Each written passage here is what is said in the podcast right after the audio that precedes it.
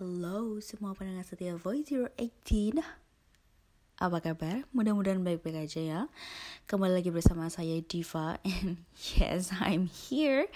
Malam ini akan saya bawakan lagi Bagaimana kelanjutan kisah horor yang dialami langsung dari Mas Pono. Episode malam ini adalah episode kelima Dan tidak terasa Episode special kisah yang dialami langsung dari Mas Pono sudah menginjak episode kelima. Dan seperti biasa untuk kamu yang belum mengerti cerita sebelumnya bisa klik link playlist di bawah ini. Kalau sudah penasaran bagaimana kelanjutannya, please stay with me. Langsung aja tanpa berlama-lama. Let's get started.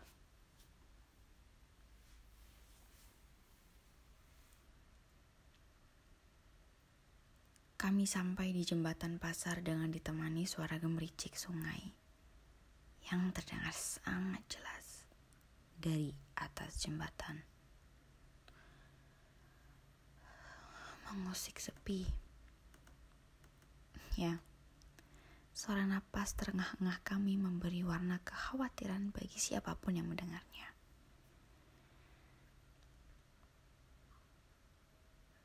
Gak mungkin si Sasha pergi jauh dengan kondisi lemas kayak gitu. Kataku kepada Yoyo. Aku dan Yoyo mencari Sasha di sekitar pasar. Ah, for information, sekolahku ini berdampingan dengan pasar induk. Jadi, sebelah utara sekolahku adalah pasar induk di daerah itu.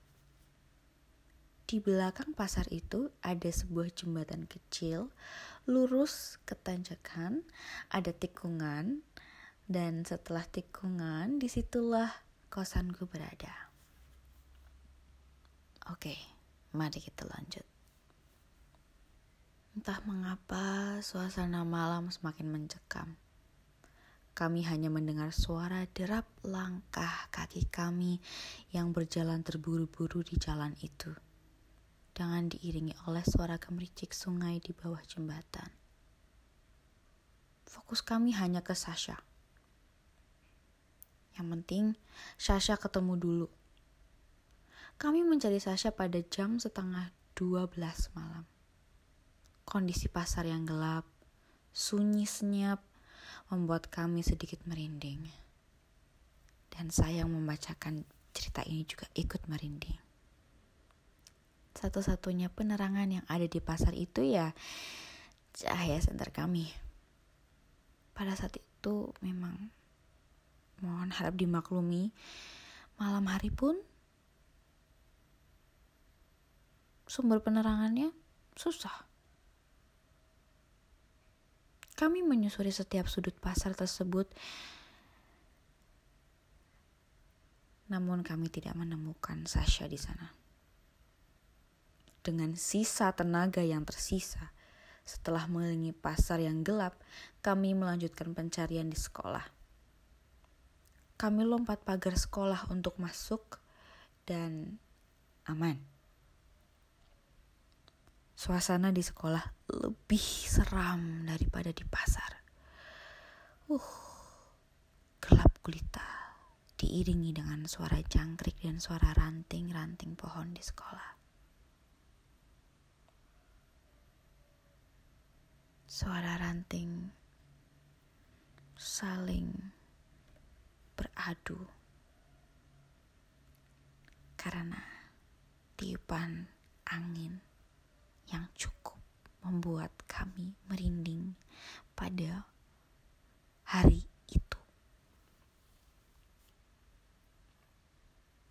Kami menyusuri setiap ruang kelas. Setiap ruang kelas Sekolah kami tidak terlalu besar, sehingga hanya dalam setengah jam kami pun selesai mencari Sasha di sekolah. Sayangnya, kami tidak menemukan Sasha. Kami berpikir untuk mengajak Yoyo keluar dari gedung sekolah.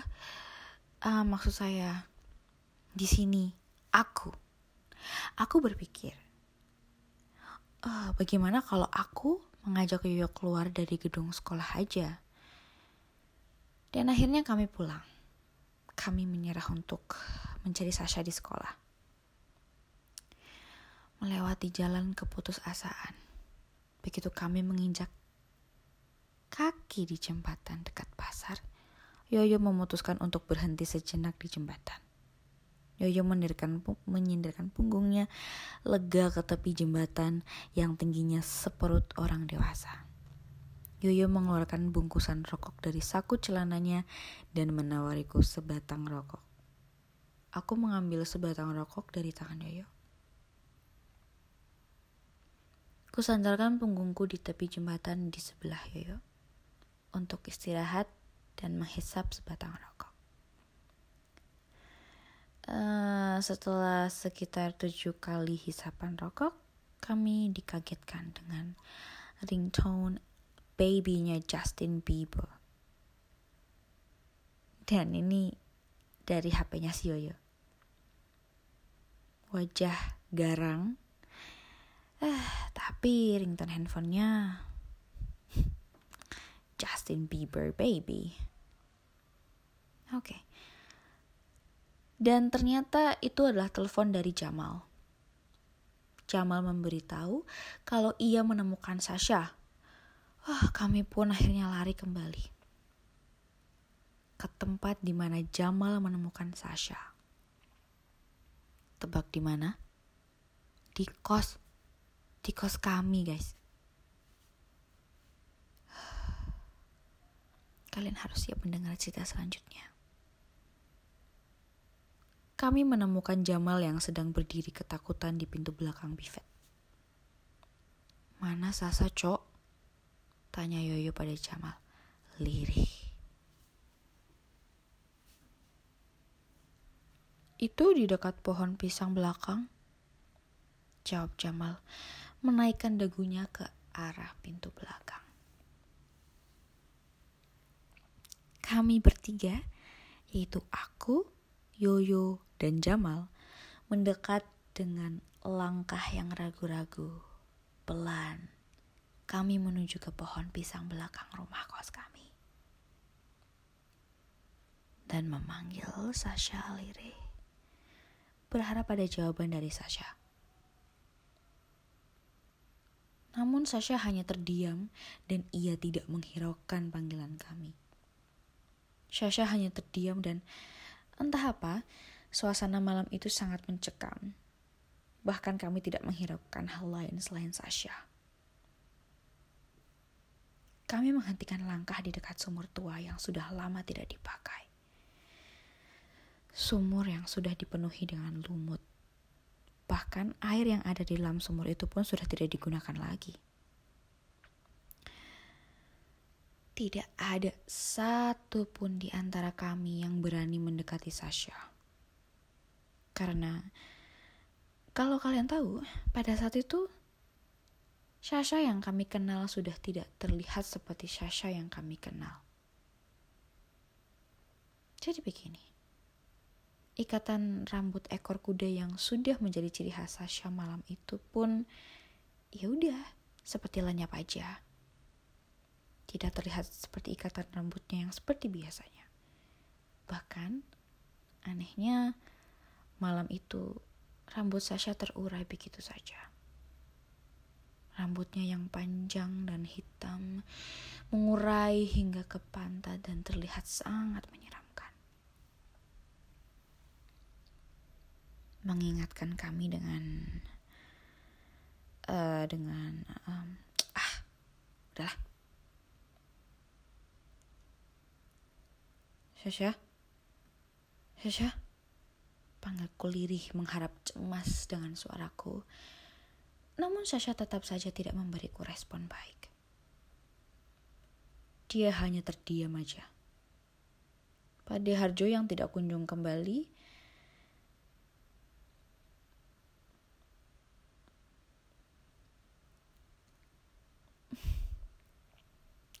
membuat kami harus memutuskan sesuatu.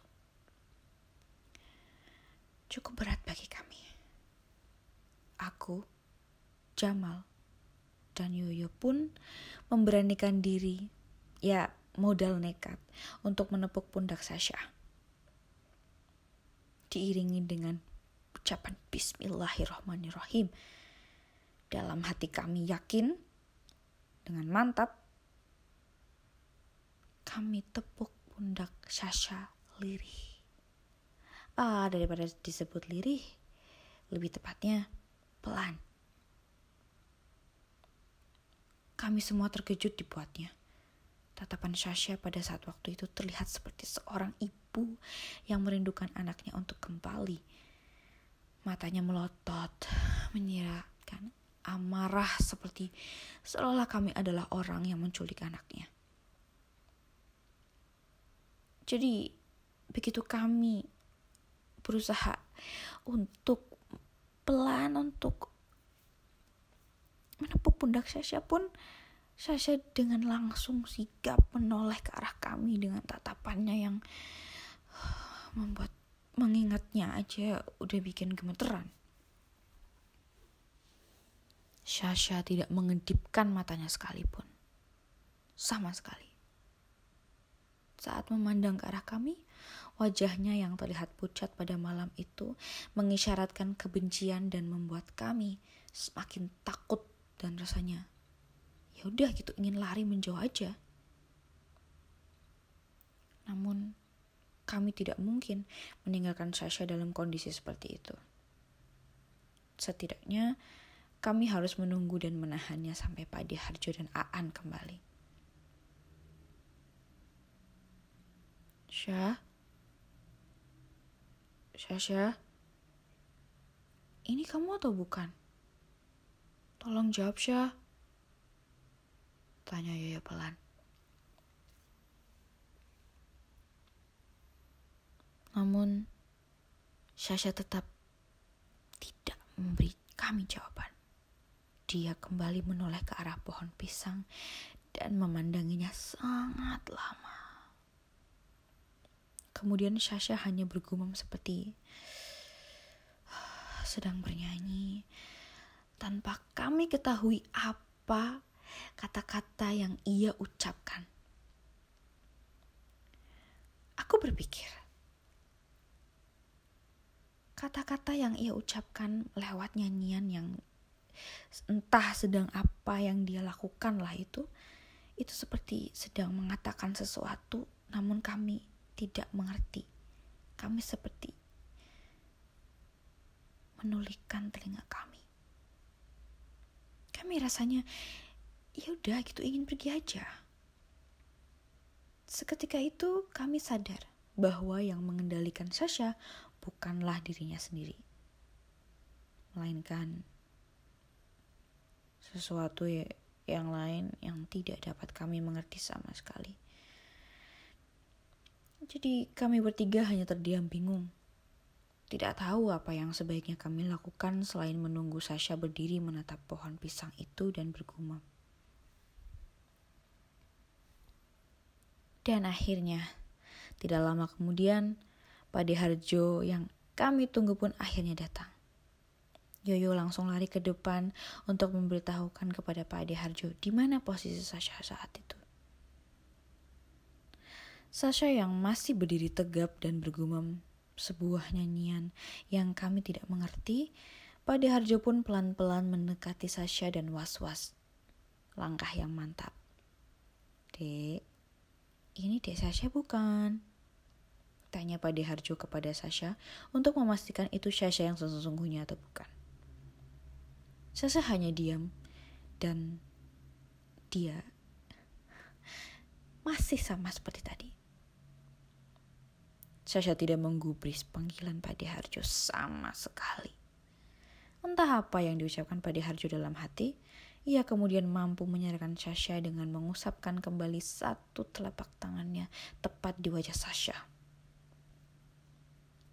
Pade Harjo menyatakan bahwa Sasha ini kesurupan.